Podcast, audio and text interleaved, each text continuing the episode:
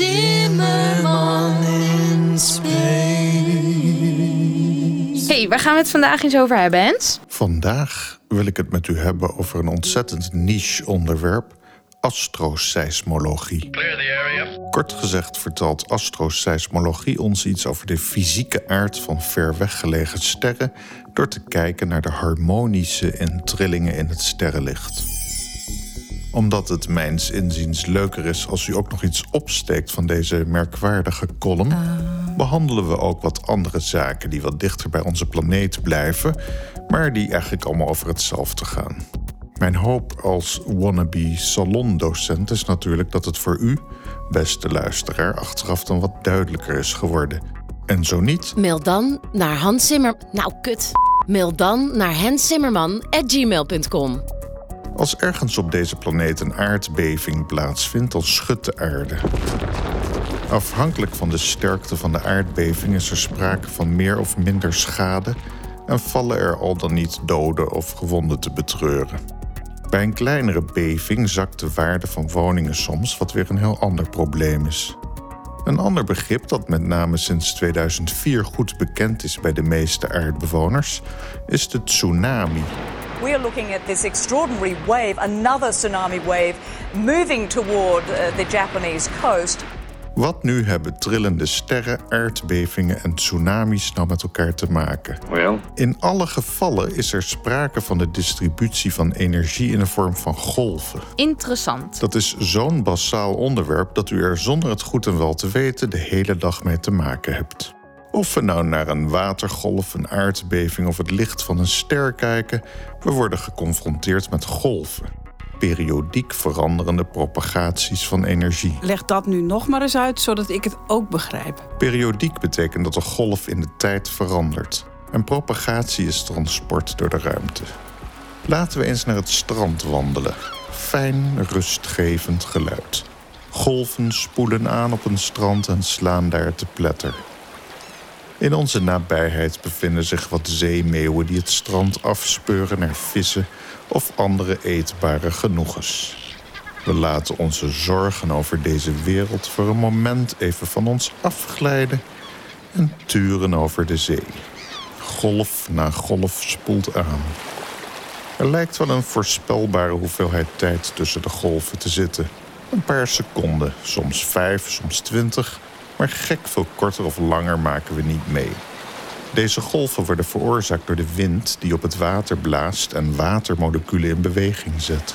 Daardoor ontstaan kleine golven, periodieke trillingen waarin energie door het water getransporteerd wordt in cyclische bewegingen. Nu maakt het niet uit of het over een watergolf, een aardbeving, het op en neergaan van de economie of de trillingen van een vioolsnaar hebben. Al deze periodieke bewegingen in de tijd kunnen we ook op een andere manier bekijken, namelijk als een optelsom van harmonische. Een golf op zee is op het oog een redelijk grillig gebeuren, maar dat is ook een functie van het feit dat allerlei golven in dat water met elkaar botsen en elkaar moduleren, zoals dat heet. Als twee golven elkaar moduleren, ontstaat weer een restproduct met meer harmonische. In geluid is dat goed hoorbaar te maken.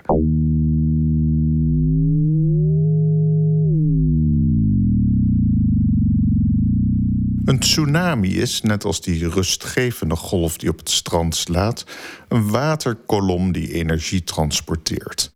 Die energie is overgedragen aan de watermoleculen door bijvoorbeeld een aardbeving. Doorgaans iets wat de zeebodem in trilling bracht. Probleem is alleen dat heel veel energie op een zeer lage frequentie door de oceaan beweegt. Een zeer lage frequentie betekent voor de goede orde een enorme golflengte. Waar zo'n prettige Zandvoortse golf een golflengte van zo'n 100 meter heeft, kan een tsunami een golflengte van wel 500 kilometer hebben. Wanneer een golf reageert met de omgeving, verliest deze energie. Dit gaat harder voor hogere frequenties dan voor lagere. Daarom hoort u dit als u bij een stoplicht naast een auto staat. Die bassen propageren verder dan de hoge tonen. Zo ook bij die tsunami. Die bundel energie, die in grote mate geconcentreerd zit in één harmonische, verliest maar bar weinig energie. Als de tsunami het vasteland bereikt, gebeurt er iets interessants. Al zal de lokale bevolking het niet als interessant bestempelen. De frequentie van de golf blijft hetzelfde. Dat is nog steeds die superlage frequentie. Maar de hoogte van de waterkolom, wat de amplitude van de golf is, is gekoppeld aan de diepte van het water.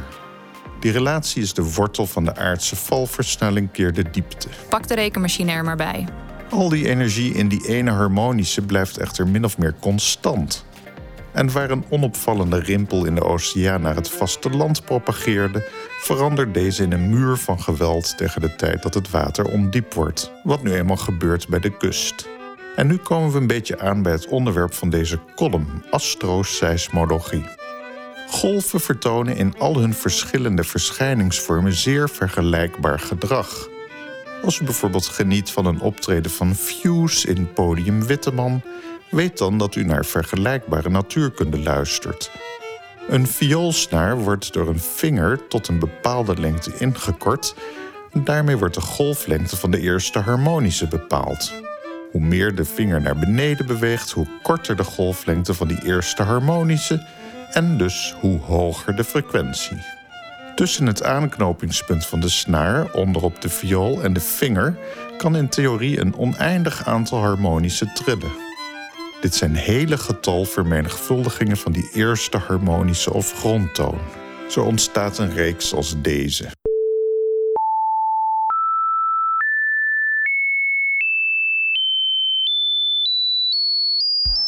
In de geluidstheorie onderscheiden we even en oneven harmonische die een drastische invloed op het timbre van het geluid hebben.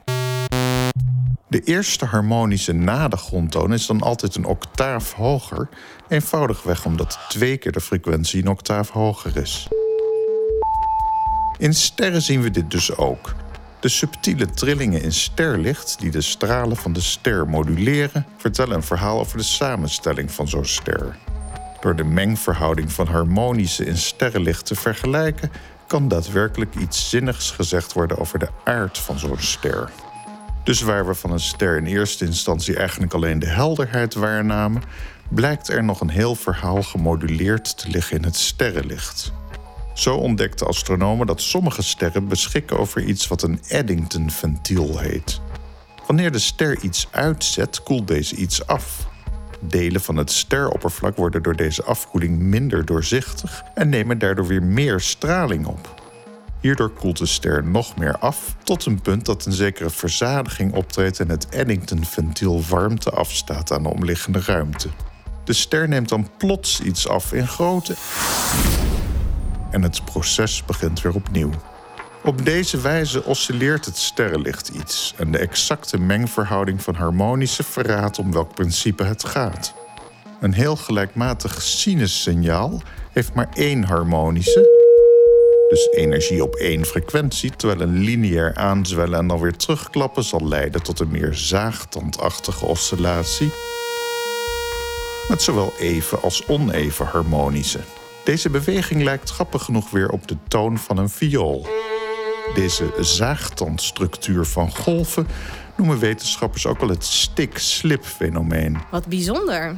We treffen het aan op de nanoschaal, maar ook in de toon van met name strijkinstrumenten. In tektonische plaatbewegingen van continenten en dus ook in sterren.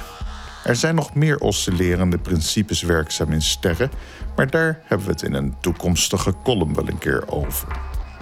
En in deze onrustige tijd wil ik graag nog een keer de afkondiging van Job Cohen draaien, die mijns inziens nog veel te actueel is. Mijn naam is Job Cohen en het is de hoogste tijd dat er serieus tegen het racisme wordt opgetreden. Door iedereen.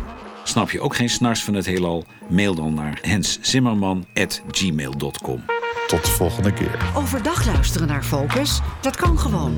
Zoek naar Focus Wetenschap in je podcast-app en luister wanneer jij het wilt naar de mooiste wetenschapsverhalen.